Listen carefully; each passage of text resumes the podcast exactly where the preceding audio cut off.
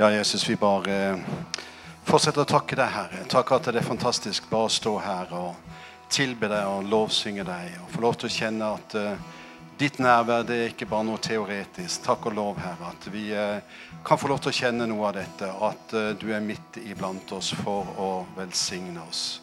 Så ber vi, Herre, om åpenbaring over ordet når vi deler det sammen. La oss få lov til å kjenne, Herre, at du veileder oss ved Den hellige ånd, sånn som du har gjort for alle dine personer opp igjennom i eh, Gammeltestamentet, i Nytestamentet, som fikk lov til å oppleve denne fantastiske guidinga fra himmelen. Takk at du skal gjøre det også denne formiddagen. I Jesu navn. Amen. Takk for herlig lovsang. Veldig bra. Ja. Det var mye her nå. Det var den. Skal vi se om vi får orden på det. Eh, Erlend, når du eh, leste her fra eh, Esekiel, så må jeg bare fortelle Jeg hadde ikke tenkt å gjøre det. Men min største kallsopplevelse kom nettopp fra Esekiel. Litt lenger ute, i kapittel 47. Du leste vel fra 43, var det det?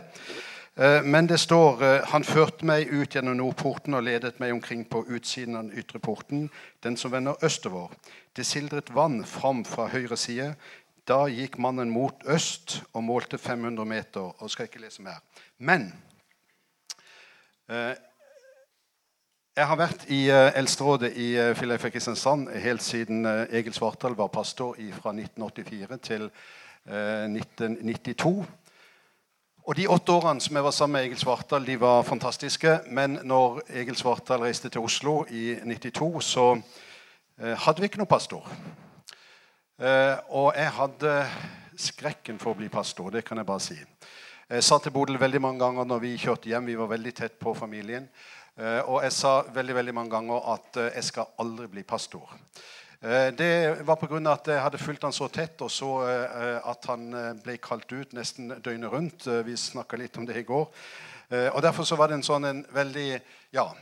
Men eh, jeg hadde tenkt å bli eh, bankmann som jeg var, og jeg hadde tenkt å bli det livet ut. Og jeg hadde sagt mange ganger at, eh, til vennene mine jeg skal bare ta et litt sånn avdelingsansvar i banken, og så, så, skal jeg bare surfe inn til pensjonsalderen i banken. Og så skulle jeg ofre livet tenkte jeg på eh, i frivillighet i menigheten, som jeg hadde gjort eh, faktisk hele livet. Men mens jeg sitter med alle disse papirene foran meg i banken en dag i 1992 Eh, så taler bare Gud utrolig sterkt og sier du blir ikke pensjonist i denne banken. Og Jeg visste liksom på ett sekund at det var over. Og i, eh, i syv måneder så stritta jeg imot dette kallet. Eh, og jeg stritta så imot at jeg ble nesten sjuk. Jeg tror jeg ble sjuk, faktisk. For jeg opplevde som David sier, at dag og natt lå din hånd tungt på meg. Og jeg kjente at eh, livssaften, den, den svant. Akkurat som David. Og jeg husker etter eh, en dag i, i, banken i 1992 så, så pakket jeg sammen alt i, eh, eh, på pulten og så tenkte jeg her kommer jeg aldri tilbake. For jeg var så dårlig eh, og hadde vondt overalt og trodde jeg hadde kreft og alt mulig. Eh, men det var egentlig etterkant så kan jeg si at det var Herren som pressa meg så på dette kallet at eh, ja, du skjønner.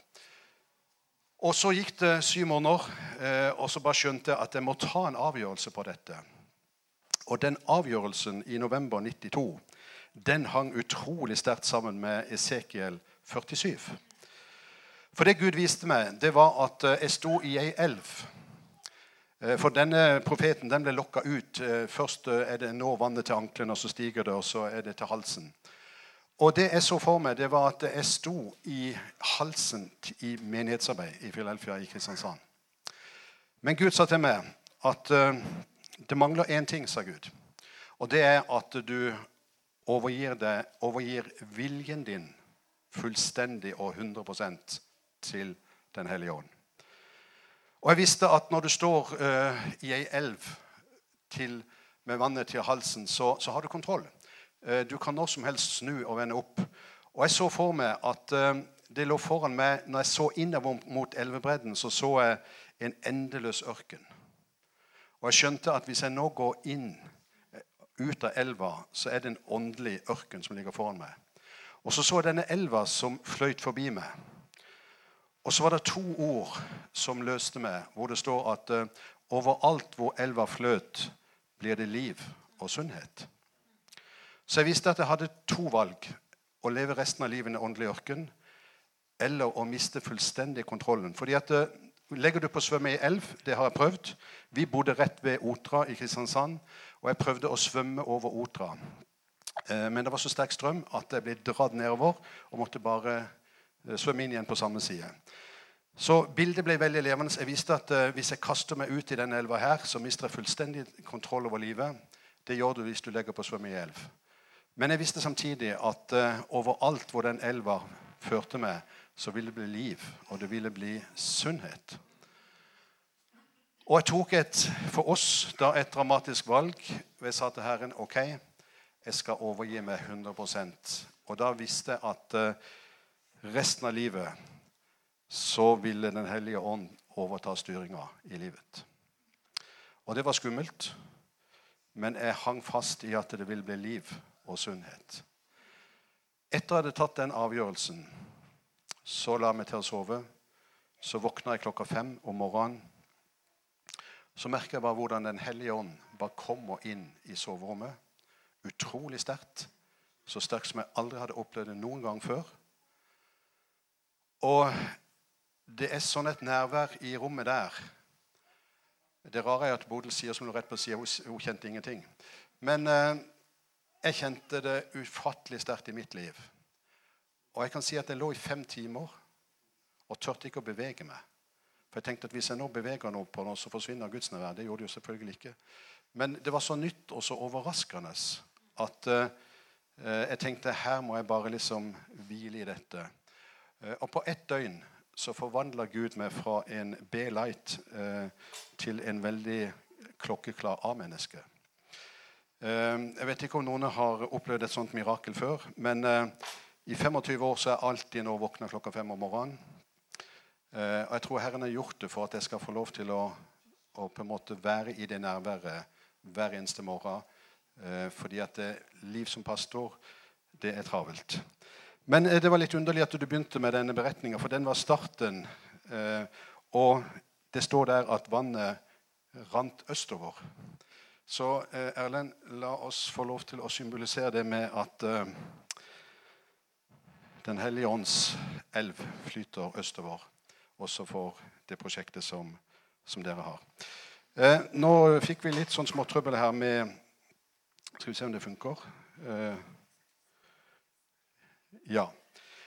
Jeg hadde tenkt å minne dere litt om et uh, bibelvers. Uh, uten tro er det umulig. Uh, og verset fortsetter med umulig å være til glede for Gud, eller til behag for Gud. For den som trer fram for Gud, må tro at han er til, og at han lønner dem som søker ham. Med iver, står det i den nye hverdagsbibelen. Men dette ordet har vært eh, en, av pilarene for oss i, i Philadelphia. uten tro er det umulig å være til behag for Gud.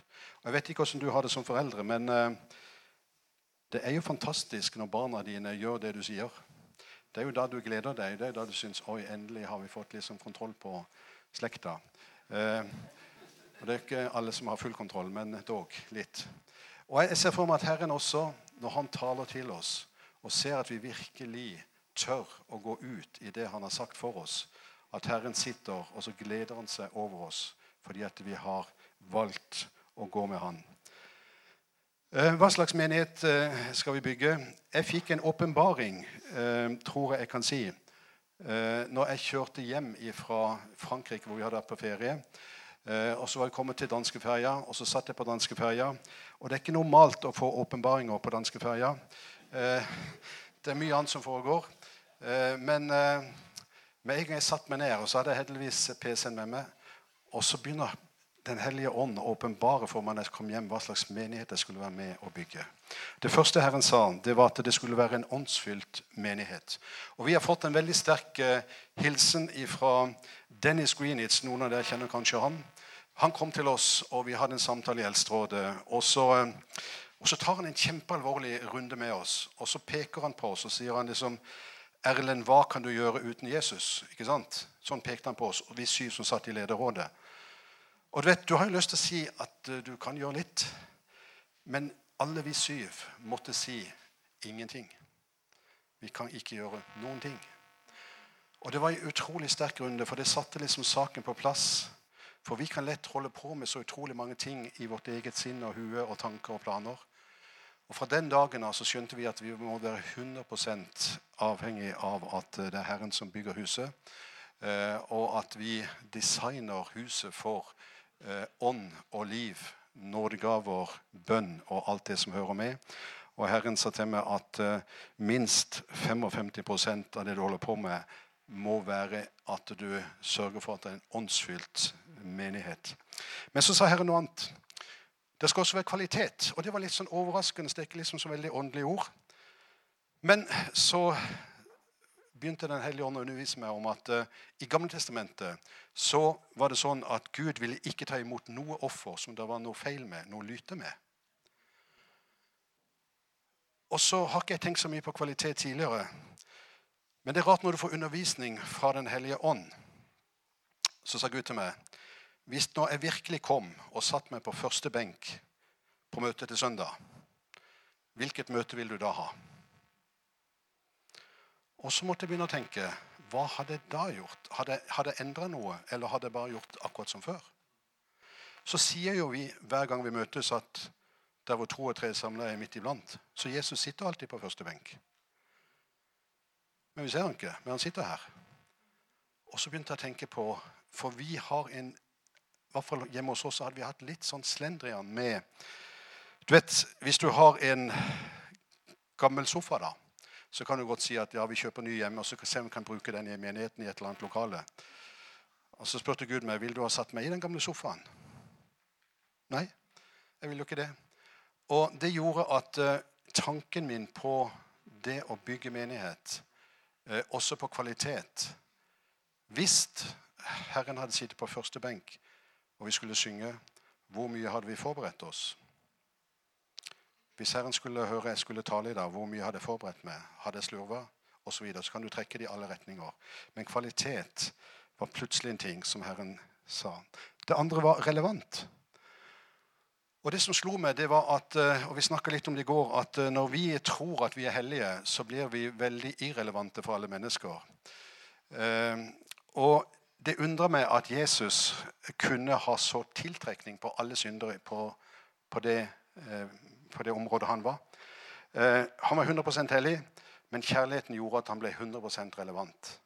Og vi har merka i Kristiansand at i den grad du har en kjærlighet til mennesker, i den grad Bodil har en kjærlighet til disse pensjonistene som bor i bygget, så blir hun veldig relevant. I den grad jeg har av og til inne på bibelskolen Og du skal jo ikke gjøre så veldig mye med en bibelskoleelev. Eh, eh, det er nok å gi eh, 200 kroner, ikke sant? så blir du veldig relevant. Eller min ti år gamle barnebarn. Hvis jeg setter meg ned og spiller med han eh, Jeg er 63, og han er 10. Men jeg blir relevant med en gang. Jeg begynner å gi han tid. Og så begynte jeg å merke, legge merke til at alle beretningene i Bibelen om Jesus eh, Han var jo helt irrelevant for tollere og syndere i utgangspunktet. Men kjærligheten gjorde at han plutselig tok tak i dem og virkelig ble det han ble. Og det aller siste en menighet med trivsel i alle generasjoner. Eh, legg merke til at det står på slutten at eh, liksom din sjel har det godt. Og Ofte så tenker vi på at vi skal ha det godt åndelig i forsamlingene våre. Men eh, sjelen skal også ha det godt. Trivselen skal også være der. Og Jeg måtte begynne å tenke på, og jeg sa det også i går, at eh, hvordan er det når en tiåring kommer inn i vårt lokale? Vil han trives? Hvordan er det når en enslig mann kommer inn? Vil han trives? Hvordan er det en familie kommer inn? Hvordan er det når en pensjonist kommer inn? En funksjonshemma? Osv. osv. Klarer vi virkelig å lage trivsel da for alle generasjoner? Eh, og klarer vi virkelig å gjøre det sånn at også sjelen trives? Og Bodil nevnte det at eh, jeg oppdager stadig vekk at hvis noen forlater oss, så er det pga. vennskapet ikke er der, pga. trivselen ikke er der.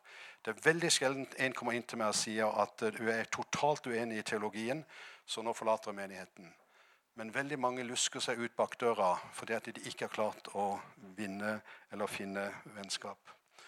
Eh, ok, Jeg sa i går også, jeg skal ta det bare veldig kjapt, at eh, for oss har det vært veldig eh, viktig at Nå gikk det litt for fort. Ja, ja, nå gikk det veldig fort her. Men poenget her er at legg merke til at etter eh, hvert navn så er det et verb som gjør at det er en handling bak tiltalen de får. Eh, Abraham dro ut fordi eh, han fikk en tiltale om det, og han vært nevnt i troskapitlet fordi at ved tro dro Abraham ut. ikke sant? Ved tro bygde Noah. Ved tro, ved tro, ved tro. Og hele historien er jo da at det er en handling bak det. Så når vi fikk eh, en visjon om å bygge et Jesussenter i Kristiansand, eh, så er det spørsmål klarer vi å handle på visjonen. Og hvis ikke vi klarer å handle, så er det jo et veldig klart bevis på at vi ikke har tro. Og Det er jo det alvorlige i små og store saker, og som Herren begynte å jobbe kraftig med oss eh, på, på 90-tallet under den bønnevekkelsen som Bodil eh, nevnte.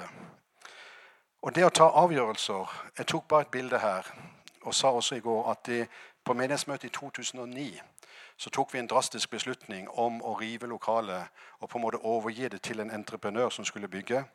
Og da ante vi ikke om vi hadde fått lån i banken. Vi ante ikke om vi kunne være en plass i mellomtida. Vi ante nesten ingenting. Og en av de tøffeste beslutningene vi har tatt, tror jeg var denne. For jeg tenkte da når jeg sto og skrev under disse papirene sammen med eh, alle syv i lederskapet vårt skrev under. Og eh, når vi hadde skrevet under, så salva vi alle papirene med olje. Eh, og sendte de til Brønnøysund.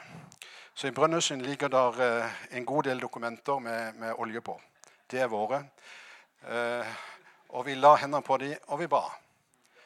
Men jeg visste at den dagen der så satte vi nesten hele menighetens 80-årige 80 historie på, på, prøve.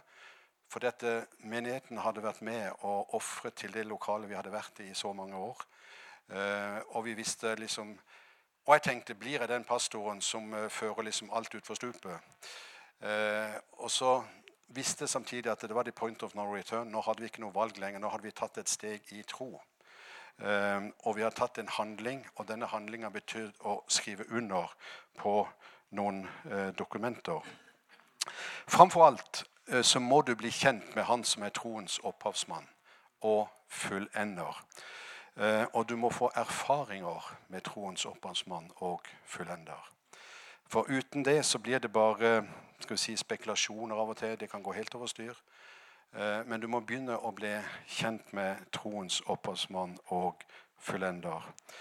Eh, jeg pleier å fortelle en historie at eh, en onsdag for mange år siden, det var på 90-tallet det òg, så kjente jeg plutselig at det kom en nød over meg.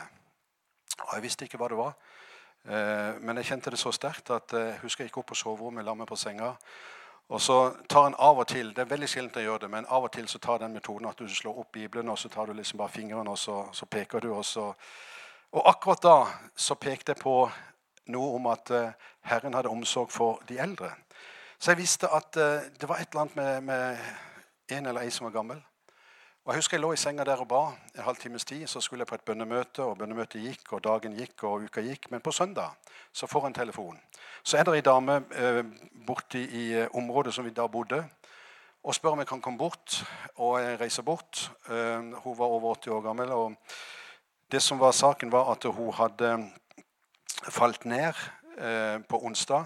Eh, hadde ei trapp opp til loftet, så hadde hun falt ned. og Så ble hun liggende på gulvet i stua og kunne ikke reise seg opp.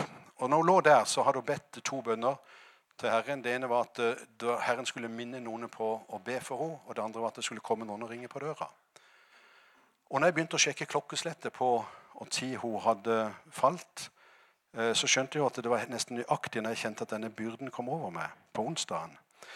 Og eh, så forteller hun at etter kort tid så kom det også Hun hadde syv barn, tror jeg det var, og en av disse barna kom plutselig på, på besøk og fikk kjørt henne på sykehus. Denne, denne inngangen til, til, denne kontakten med denne dama eh, ble litt mer enn bare dette spesielle tilfellet her. Det viste seg at hun, eh, hun hadde veldig mye angst i livet. Pga. ting som lå bak. Jeg skal ikke fortelle det. Jeg tror jeg vet hva det er, men jeg vil ikke fortelle det. Og det gjorde at eh, jeg var ofte på besøk. Eh, og hver gang vi hadde vært på besøk, så leste jeg Guds ord, og vi ba. Men jeg skjønte hver gang gikk ut, jeg gikk ut døra, at jeg hadde egentlig ikke løst henne. Eller Herren hadde ikke løst henne. For hver gang jeg kom på nytt igjen, så var det den samme angsten der. Og En dag jeg skulle hen, så sa jeg, var jeg nesten sånn desperat så jeg sa til Herren at nå, nå, må du gjøre noe. Men jeg gjorde det samme. Jeg leste Guds ord. Eh, jeg ba. Og mens jeg ber, så begynner plutselig hun å tale i tunger. Og Det rare var jo da at hun begynte å tale i tunger på krystallklart engelsk. Og denne dama hadde aldri lært å engelsk. Det sjekka jeg ut med henne etterpå. Hadde aldri gått på skole og lært engelsk. Og så var det så utrolig klokkeklart. Jeg hadde akkurat vært i London ei ukes tid. Og de snakker jo rimelig klart i London. Eh, men denne gangen var det enda klarere. En sånn krystallklar engelsk. Så jeg undrer meg, og så spør jeg avbrytere, for hun siterer noen linjer om igjen og om igjen på engelsk. Og så spør jeg henne skjønner du hva du sier nå. Nei, sa hun, men, men, det høres ut som engelsk, sa hun. Ja, det er engelsk, sa jeg. Og jeg trenger ikke å ha tydningens nådegrav. Jeg kan bare tyde det, oversette det for det. Eh, og, så, eh, og, så, husker jeg disse ordene som hun sa. Eh, Thank you, Jesus. I am free, I am free. All my sins is gone away. I am free, I am free. Igjen og igjen så godtok det.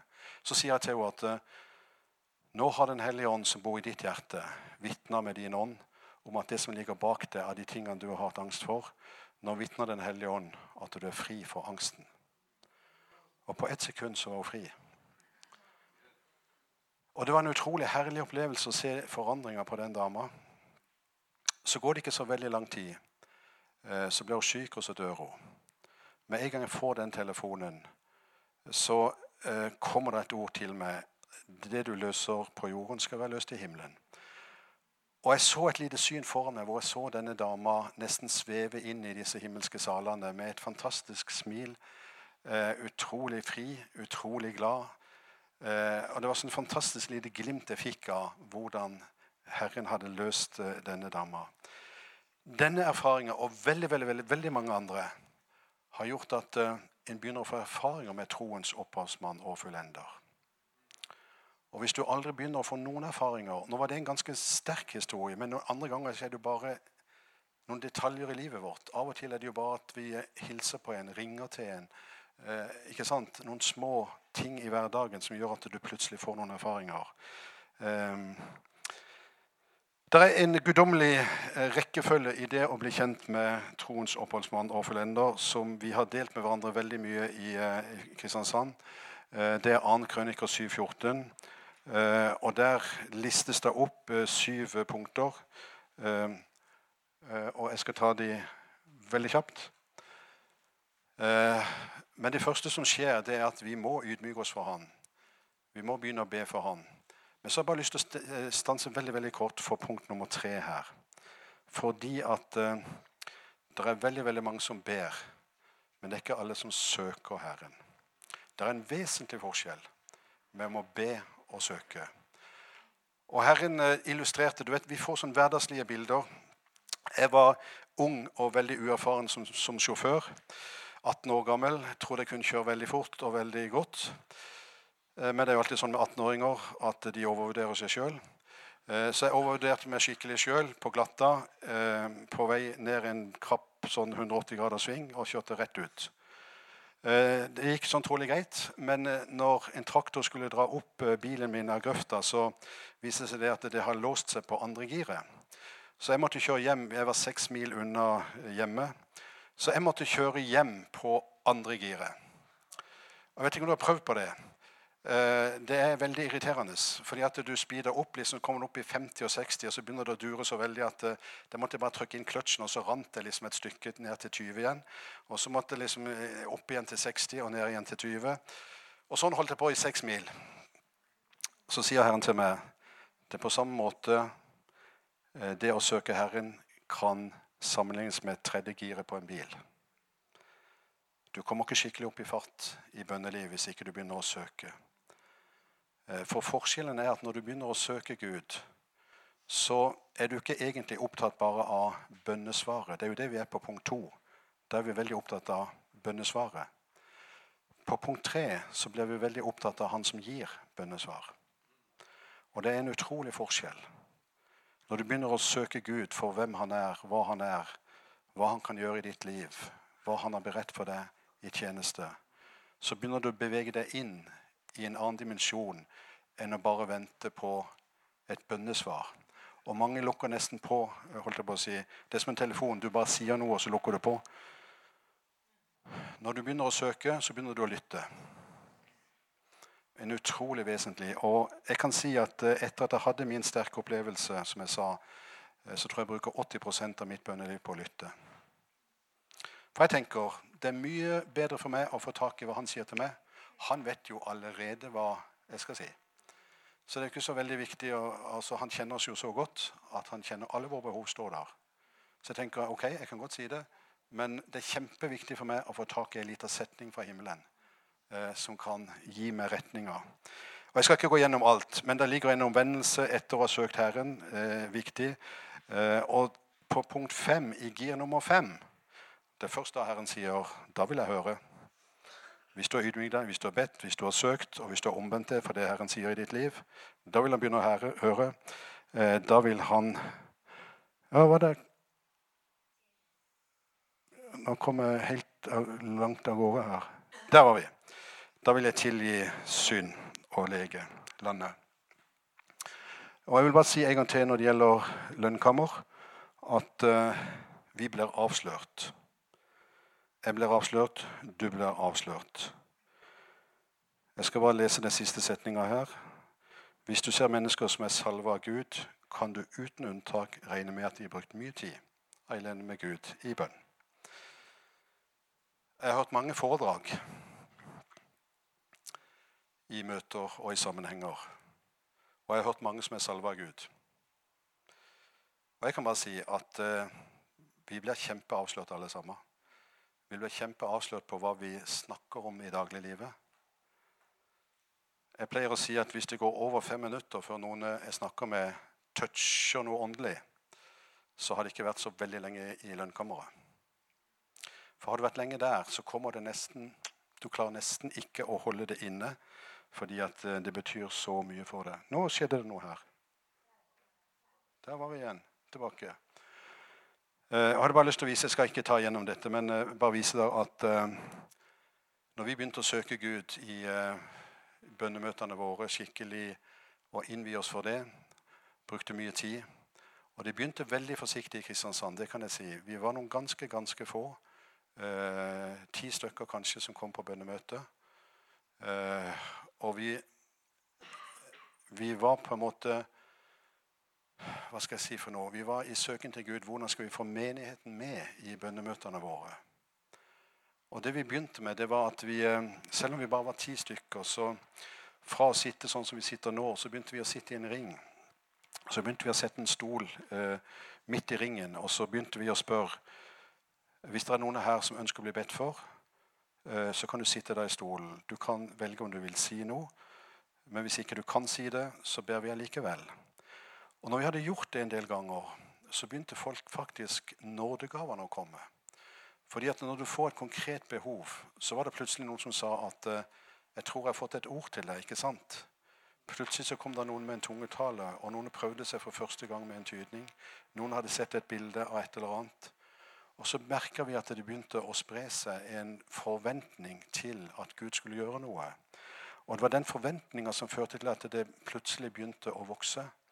Og eh, fra 1995 og til 1996 så på grunn av, tror jeg, mye pga. at vår bønneleder hadde en 40 dagers faste, så, så var det akkurat som Guds ånd la seg over mange personer hjemme. Ikke når, de, ikke når de var på møte spesielt, men hjemme. Og Plutselig hørte vi noen som ble så tatt av Herren at uh, det var ei som sto i et eh, veikryss, skulle bare over, over. Plutselig så kom Herrens ånd over henne og klarte nesten ikke å komme over veien. Eh, plutselig så var det sånn at folk begynte å søke til bønnemøtene. De hadde aldri vært på et eneste bønnemøte før, men de fikk en sånn lengsel etter å møte Gud.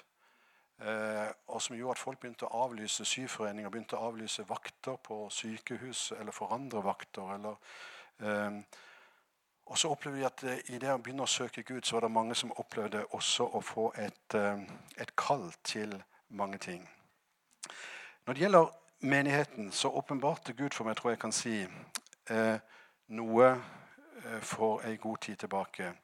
Og Det står en fantastisk vers i, Jesaja hvor det står at når bonden vil så, holder han da alltid på med å pløye, vende og harve jorda. Når han har jevnet åkeren, sprer han det ikke da ut frø, så hvete i rader, bygger på avmerket sted. Hans Gud har vist ham Der kom dere òg med. Det var ikke helt det, det, er meg som roter her. Beklager, beklager, beklager. Hans Gud har vist ham den rette måten. Han lærte ham det. Fordi at Det kom en kar til meg som skulle starte menighet i Kristiansand, en, en ungdom. Og så sa han det at uh, nå har jeg endelig fått uh, liksom klar beskjed fra Herren om hvordan en skal bygge menighet. Uh, og jeg skal gjøre noe som ingen andre menigheter gjør. Og det han var veldig opptatt av, at han bare skulle evangelisere. For det var det ingen menigheter som han mente gjorde. Med en gang han sier det til meg, så taler Herren til meg og sier følgende Det er like dumt å si det som om en bonde skulle ha sagt 'jeg vil bare så'. Og det endte dårlig med denne personen. Jeg skal ikke gå ut i det, men eh, eh, Jo, jeg kan bare si det at dessverre for han, da. Han hadde alliert seg med noen andre ungdommer, og de skulle ut på gata og, og holde på. Så gikk det bare noen få uker, så den nærmeste medarbeideren fikk trøbbel i ekteskapet. Og neste, neste halve år, nesten det hele året der Det han egentlig måtte jobbe med, det var å få orden på ekteskapet til medarbeiderne som skulle evangelisere. Eh, og mange ting eh, falt dessverre i fisk. En herlig broder som står veldig på i disse dager, så Herren har virkelig reist han opp igjen, og han står skikkelig på. Men eh, for meg ble det sånn at eh, Plutselig så var det som om Herren viste meg at uh, det er et årsskjul på bonden. Og det er like viktig alle ting. Uh, og Jeg skal prøve å bare si veldig kort uh, hva som jeg har tenkt. For når, på denne tida her Nå er jo ikke jeg bonde, så jeg er på veldig tynn is. Ekstremt tynn is. Det er kanskje bønder her? Er det det? Ja, det er bønder her. Du må bare tilgi meg at jeg beveger meg inn på et område som jeg ikke har peiling på. Men det jeg tenker i hvert fall, det er at eh, når eh, snøen ligger nesten sånn som man gjør litt av og til nå Det en bonde bør gjøre, i hvert fall, tenke liksom, hva skal jeg så til neste år? Altså hva er visjonen for den høsten jeg skal ha i gang? Uh, og da er det jo spørsmålet uh, hvilket jorde skal jeg så på? Og vi som menighet må tenke er det noen jorder som ikke vi har benytta? Er det jo noen jorder som må ryddes opp og liksom ta, ta i bruk? da? Um, og eh, hos oss så starter dette med Q42, eller et Jesus-senter, som det egentlig er dypt sett for oss. Det starter med flere profetiske tiltaler. Egil Svarte var den, en av de som ga oss en skikkelig retning på dette på en vekkelseskonferanse i, i OKS i 2000, hvor han sa 'Se, jeg satt foran den åpen dør'. Og når jeg gikk hjem og leste dette verset, så sto det i en oversettelse 'Se, jeg satt foran der mulighetens dører'. Med en gang så skjønte jeg at uh, Herren kom til å åpne mange dører foran oss. Og vi kunne velge om vi ville stå og se inn i den døra og gå videre. Men hvis vi gikk inn det Herren hadde åpna, så ville det ligge en velsignelse der som vi kom til å få stor nytte av. Eh, videre så kom Rachel Hickson, ei dame som har hatt stor betydning for oss, eh, med en veldig sterk profeti om at det skulle bygges et stort hus i denne byen. Og Da ante ikke hun noe om at vi allerede hadde gått og har planer om det. Og Hun profeterer der om at finansene skal komme. Det har de også gjort. Birger Skoglund, en svensk misjonær. Kjenner du han? Nei. Ehm, men han kom og sa at dette stedet skal kalles det stedet hvor Herren gjør under. En utrolig sterk tiltale i et uh, onsdagsmøte i Kristiansand for en del år siden. Uh, og fra egne rekker så er det mange profetier. Jeg skal ikke gå inn på det.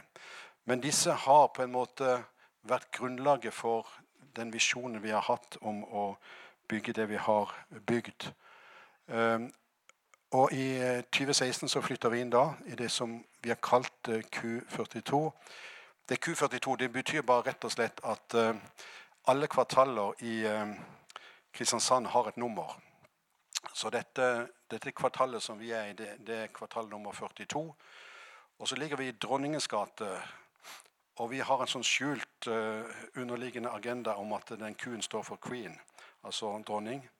Uh, så derfor heter det Q42. Vi har ikke flagga det så veldig høyt. Uh, men det var en lang periode av såing og jobbing som gjorde at det til slutt sto, sto ferdig. da. Så har jeg bare lyst til å si at det er et vers som har vært sterkt for oss. Rop til meg, så vil jeg svare deg og fortelle deg store, ufattelige ting som du ikke kjenner til. Og du vet, Det er jo helt sprøtt, men en dag så spurte Herren meg hvem eier olja i Nordsjøen. Og jeg skjønte jo på spørsmålet at uh, svaret ikke var Statoil. Uh, og jeg skjønte på spørsmålet at uh, Herren har lagt ned disse ressursene i landet vårt. Og det jeg kjente, det var at uh, Herren sa en setning som var veldig sterkt. Så sa han til meg at uh, tyven, altså Statoil Og nå må jeg være forsiktig så ikke dette går altfor langt på radioen. Uh, tyven har hatt det så lenge at alle tror det er hans. Altså, Vi, vi reagerer ikke engang. For vi tenker at det er jo den norske stat som på en måte forvalter det. Men saken er, som jeg kjente Herren sa, det er han som har lagt ned. Det er Gud som har lagt ned disse rikdommene i nasjonen vår. Og det var vi som kristne, som er hans forvaltere, som skulle være med og bruke det. Og når jeg plutselig gikk det opp for meg at når vi begynte med barnehager, med rusomsorg, med eh, eldrearbeid og med innvandrerarbeid og alt dette, og jeg plutselig så at vi hadde 100 millioner i omsetning et år, så tror jeg jeg kan si at 80 eh, av de 100 millionene kom fra olja. Eller fra staten, da. Tilskudd fra staten. Og plutselig så skjønte jeg en sammenheng som Gud minner meg på. Sørg for at dere som Guds forsamling får tak i noe av de rikdommen som det er Herren som har lagt ned. Eh, og det var en helt sånn sprø tanke. For jeg har jo aldri klart å på en måte ha den forståelsen. Men jeg skjønte bare det at uh, Herren ville at vi skulle være frimodige i å starte ting. Starte skoler, starte barnehager. Og så uh, er vi jo i den heldige situasjonen i Norge at uh, de aller fleste av disse midlene kommer nettopp, og veldig mye fra olje, bl.a. Men det er store og ufattelige ting som vi ikke kjenner til. Eh, og Vi hadde en herlig oppmuntring fra Daniel Karlsen, som eh, bor til Ludvig. Han talte hos oss eh, i 1997. og så hadde han en fantastisk hilsen til oss om at vi skulle bruke det vi hadde i huset. før det så hadde vår menighet aldri tilkalt andre Eller hadde aldri brukt pastorer fra egen forsamling, men alltid hatt de utenifra. Så kommer han egentlig med dette eh, fantastiske verset, da. Eh, det er jo fra bryllupet i Kana, hvor eh, Jesu mor Maria sier til eh, disse tjenerne at de skal bruke det de har i huset. Um, og Fra den dagen av, i disse siste 20 årene, så har vel jeg tror jeg kan si nesten samtlige av de som er pastor hos oss, de har kommet fra egne rekker. Lovsangere har kommet fra egne rekker. Vi har aldri vært på utkikk etter Selvfølgelig er det folk som flytter til Kristiansand av og til, men i en stor hovedstrøm så har vi levd i denne forventninga om at Herren skal bruke det som allerede er i huset. Så ikke se for smått på det, dere som er her. Eh, Herren kommer til å utruste dere eh, fra egne rekker, tror jeg kan si. Sånn ser det ut i dette trivselssenteret som Bodil eh, har gått og båret på siden 2009. Og Det har blitt en kraftig suksess. Det er 80 beboere i Q42. Eh, og De samles hver eneste dag i denne trivselsstua. Det er et treningssenter, det er en frisør, og det er noe fotpleie og det er mange andre ting. Av og til spiser de middag. Eh, andre ting. Men de har fått et vennskap, disse som bor, som aldri kjente hverandre. En tredjedel av de som bor der, er medlemmer hos oss. To tredjedeler er ikke medlemmer. Eh, og det har blitt en Og folk begynner å søke til menigheten også.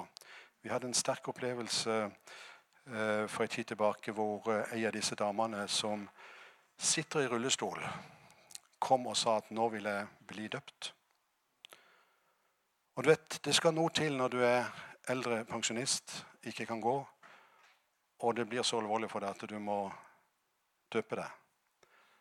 Og Vi valgte å ta det litt utenfor et offentlig møte, men eh, hun kunne ikke gå ned i dåpsbassenget sjøl. Vi måtte bære henne ned. Men hun var så oppsatt for at det må gjøres. Eh, og det er et resultat av at eh, hun begynte å få eh, holdt jeg på å si, vennskap og kjennskap til vår menighet. Hva har Gud talt til dere om? Nå skal jeg snart gå inn for landing her. Bare ta det veldig kjapt. Det går litt fort.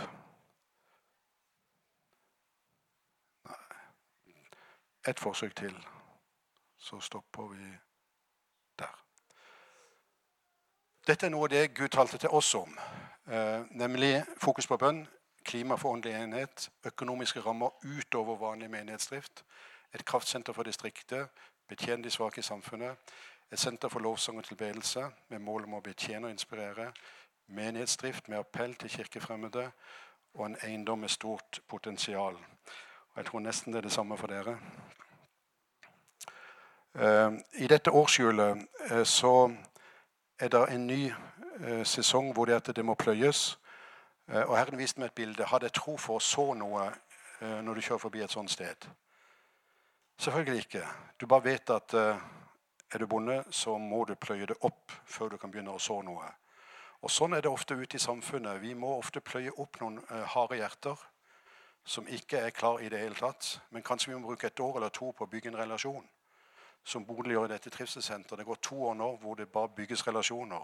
Plutselig er, de klare nok til at vi kan be dem med på et uh, formiddagstreff, eller på en møte, eller på en liten konsert, eller uh, et eller annet. Um, og det er også en uh, hvor du virkelig bare må, må så ut. Um, den, den pila der på denne uh, huset, det var noen som fikk tro for å begynne å så ut i rusomsorg. Og midt på, midt på dagen, når trafikken gikk for fullt forbi, så var det tre stykker som sto på trappa der i dette huset, som var et dødsbo. Ingen bodde der. Men de hadde tro for å legge hånda på døra og si at dette huset skal vi ha. Og du skal jo være veldig du skal ha veldig tro hvis du bare går ned et eller annet sted her og, og står på døra og så legger hånda på og sier at dette skal vi ha. Men eh, for en lang historie kort vi har drevet rusomsorg i disse tre bygningene i 20 år. Det samme med barnehagene, som dere også har blitt minnet om av Lasse Rosten, så vidt jeg skjønner, så jeg skal ikke eh, si noe mer om det. Men vi så ut som dere gjør nå, i barnearbeid. Eh, utrolig viktig såringsarbeid. Eh, Bodil fikk, eller det vil si jeg må si rett nå. Jeg sto på et bønnemøte, og så fikk jeg en tiltale fra Herren. Og jeg så eh, ei hånd utdrakt, og så lå det et bitte lite såkorn oppi der. Og så står jeg opp i, eh, i eh, det bønnemøtet og sier at det er noen her eh, som har fått et såkorn i hånda. Og du kan velge om det bare skal bli i hånda, eller om du skal plante det. Og hvis du planter det, så skal du vite at det kommer til å bli langt utover det du vet. Det jeg ikke visste, det var at min egen svigermor, som det bildet som sitter i førersetet i den bilen Hun hadde et såkorn i hånda. Hun hadde en kontrakt med et firma som har gått konkurs, på en hjemmehjelptjeneste. Og De som hadde brukt henne som hjemmehjelp, ville veldig gjerne at hun skulle fortsette, men hun hadde ingenting å, um, ingenting å plante det i. Så kom hun fram til meg etter møtet og sier du, i dag var denne profetien til meg. Og det Svigermor er ikke ei dame som er fram til forbund hver eneste møte. det kan jeg bare si. Eh, så det kosta mye tror jeg, å bare komme fram og si det. Men det gjorde at uh, hun spurte kan vi gjøre det sammen, altså med Bodil. Kan vi starte et firma? Uh, så vi starta et firma som heter Din omsorgspartner på bakgrunn av en profeti. Og vi la ned et såkorn. Og etter kort tid så vokste dette, og i dag ja, Her er det bilde av 17 eh, ansatte. Det er vel noe sånt nå. Men det var et bitte lite såkorn på en profeti som vi sådde. Og plutselig så, så begynte det å, å, vokse. Og Bodil sa i går at uh, før dette huset ble bygd i en bydel i Kristiansand, så var det skog. Og Bodil hadde tro for at vi skulle gjøre noe, så hun tok med seg ei salveflaske og en annen person. Og Så gikk de ut i skauen bak dette bygget her før det ble bygd. Og Så står de rundt et tre, og så heller de olje på treet. Salver dette treet og legger hånda på treet og sier her skal vi ha et senter for eldre. Og Det rare var at uh, noe vi ikke visste, det var at når dette ble bygd, så invitert, ble vi invitert inn til å betjene de eh, som bor i det bygget. Det er en lang historie som ikke kan ta hele runder på. Et såkorn er et formiddagstreff med gåturer. Vi har eh, starta i fjor eller forfjor eller tid med noen guida uh, gåturer for eldre. De som er ledige på formiddagen. Og eh, Det er kanskje den letteste måten å evangelisere på. Hvis du har en nabo som vil trimme, og bare sier har du lyst til å ta en spasertur sammen. Og Vi har sett at mange av disse her som eh, og Da prøver vi å legge det litt om at det, er en person som er litt kjent i et område, eller de tar en bitte liten biltur og begynner å gå i et område. Og så har de litt guiding på, på, litt forskjellige steder. Og så har vi sett at uh, det såkornet der, det kan vi begynne å høste inn. Eh, servicekontakt et annet såkorn. Det å dele ut mat rundt forbi. Det å klippe hekken til naboen og skuffe snø. Eh, og det å luke litt av og til. Det må vi også gjøre i menighetslivet. Eh, og vannet Jeg skal ikke, for tida går her, så jeg skal ikke jeg skal slutte på øyeblikket nå. Disse åkrene de er enorme. Markene er alt hvite til høst, sier Jesus. Men jeg sa også i går at hvis du bøyer deg ned til disse laveste, rusmisbrukere, innvandrere, så kan du også få en talerstol inn til de høyeste. Eh, jeg tror jeg skal bare avslutte med det at eh, Jan Kjosåvik, som står oppe der, pastor hos oss. Først var han barne- og familiepastor. Så fikk han kall til å jobbe med innvandrere. Flytta ned i huset i, der vi hadde rusomsorg. Og nå bor han sammen med 18 Eh, stort sett syriske flyktninger. Og Pga. det arbeidet så kom Sylvi Lysthaug på besøk. Ikke bare hun, men flere andre faktisk statsråder har vært innom. Hvorfor kommer de? Jo, fordi at de vil se hvordan fungerer dette. Og I løpet av nå, i februar nå så kommer det faktisk en film. Vet du når? Ja. NRK har filma dette arbeidet nå i et år eller to. Eh, og det skal komme på NRK hvor de følger disse syriske flyktningene, og hvilken innvirkning det får av bo. En pastor bor sammen med disse. En veldig, veldig sterk uh, historie. Uh, nå ble dere overøst med utrolig mange rare historier. Så jeg forventer ikke at dere skal klare å holde liksom, tak i de og sortere de så veldig. Men jeg hadde bare lyst til å oppmuntre deg med altså det å åpne med at uh, uten tro så er det umulig å holde på i Guds forsamling. Uh, da blir vi bare en forening. Og da jeg har sagt mange ganger, da kan jeg like gjerne jobbe i Røde Kors. Uh, hvis vi aldri har noen som reiser seg opp og tar tak i det Gud sier. hvis vi aldri får noen touch av noen nådegaver eller noen touch av en tiltale fra himmelen, så holder vi egentlig bare på på et foreningsnivå. Og jeg har virkelig bedt både for dere og for oss i eh, Kristiansand at uh, vi må klare å reise oss opp i dag. Og på en måte bety noe i det samfunnet vi, vi, bor i. Vi forteller mange flotte historier på søndagsskolen om eh, Sadrak Mesak og Abenego som blir tatt ut av ildovnen. Men ingen forteller hvorfor de ble dratt ut. De ble dratt ut fordi at de senere ble statsråder og styrte landet. Daniel ble dratt opp av løvehula og klarte å forandre alle lovene i det hedenske Babylon. Og vi er nesten bare fornøyd med historien. Men Herren har bare vist meg gang på gang at eh, det ligger en dypere mening bak eh, miraklene. Det er for at vi skal være med og bety noe. Og det har jeg virkelig lyst til å oppmuntre deg for her i Elnesvågen. Takk for at vi fikk lov til å komme. Det var utrolig sjenerøst uh, at vi ukjente fra Kristiansand får lov til å besøke dere. Og veldig flott å treffe Laura og eh, dere som har vært familie her, familien Tungehaug, som uh, har betydd utrolig mye. Vi har fått en profet på kjøpet, Per Kjetil Farstad, som har betydd ekstremt mye for oss i Kristiansand. Så det er noen uh, veldig gode kontakter. Så amen, sier jeg.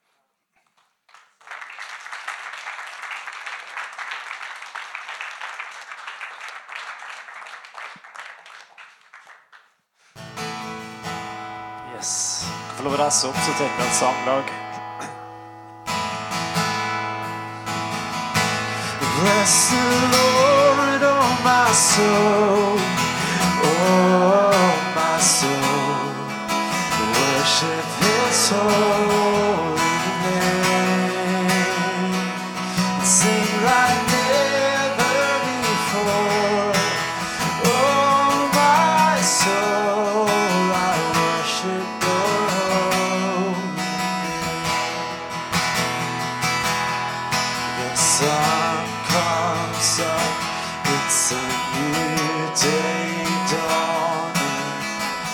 It's time to sing your song.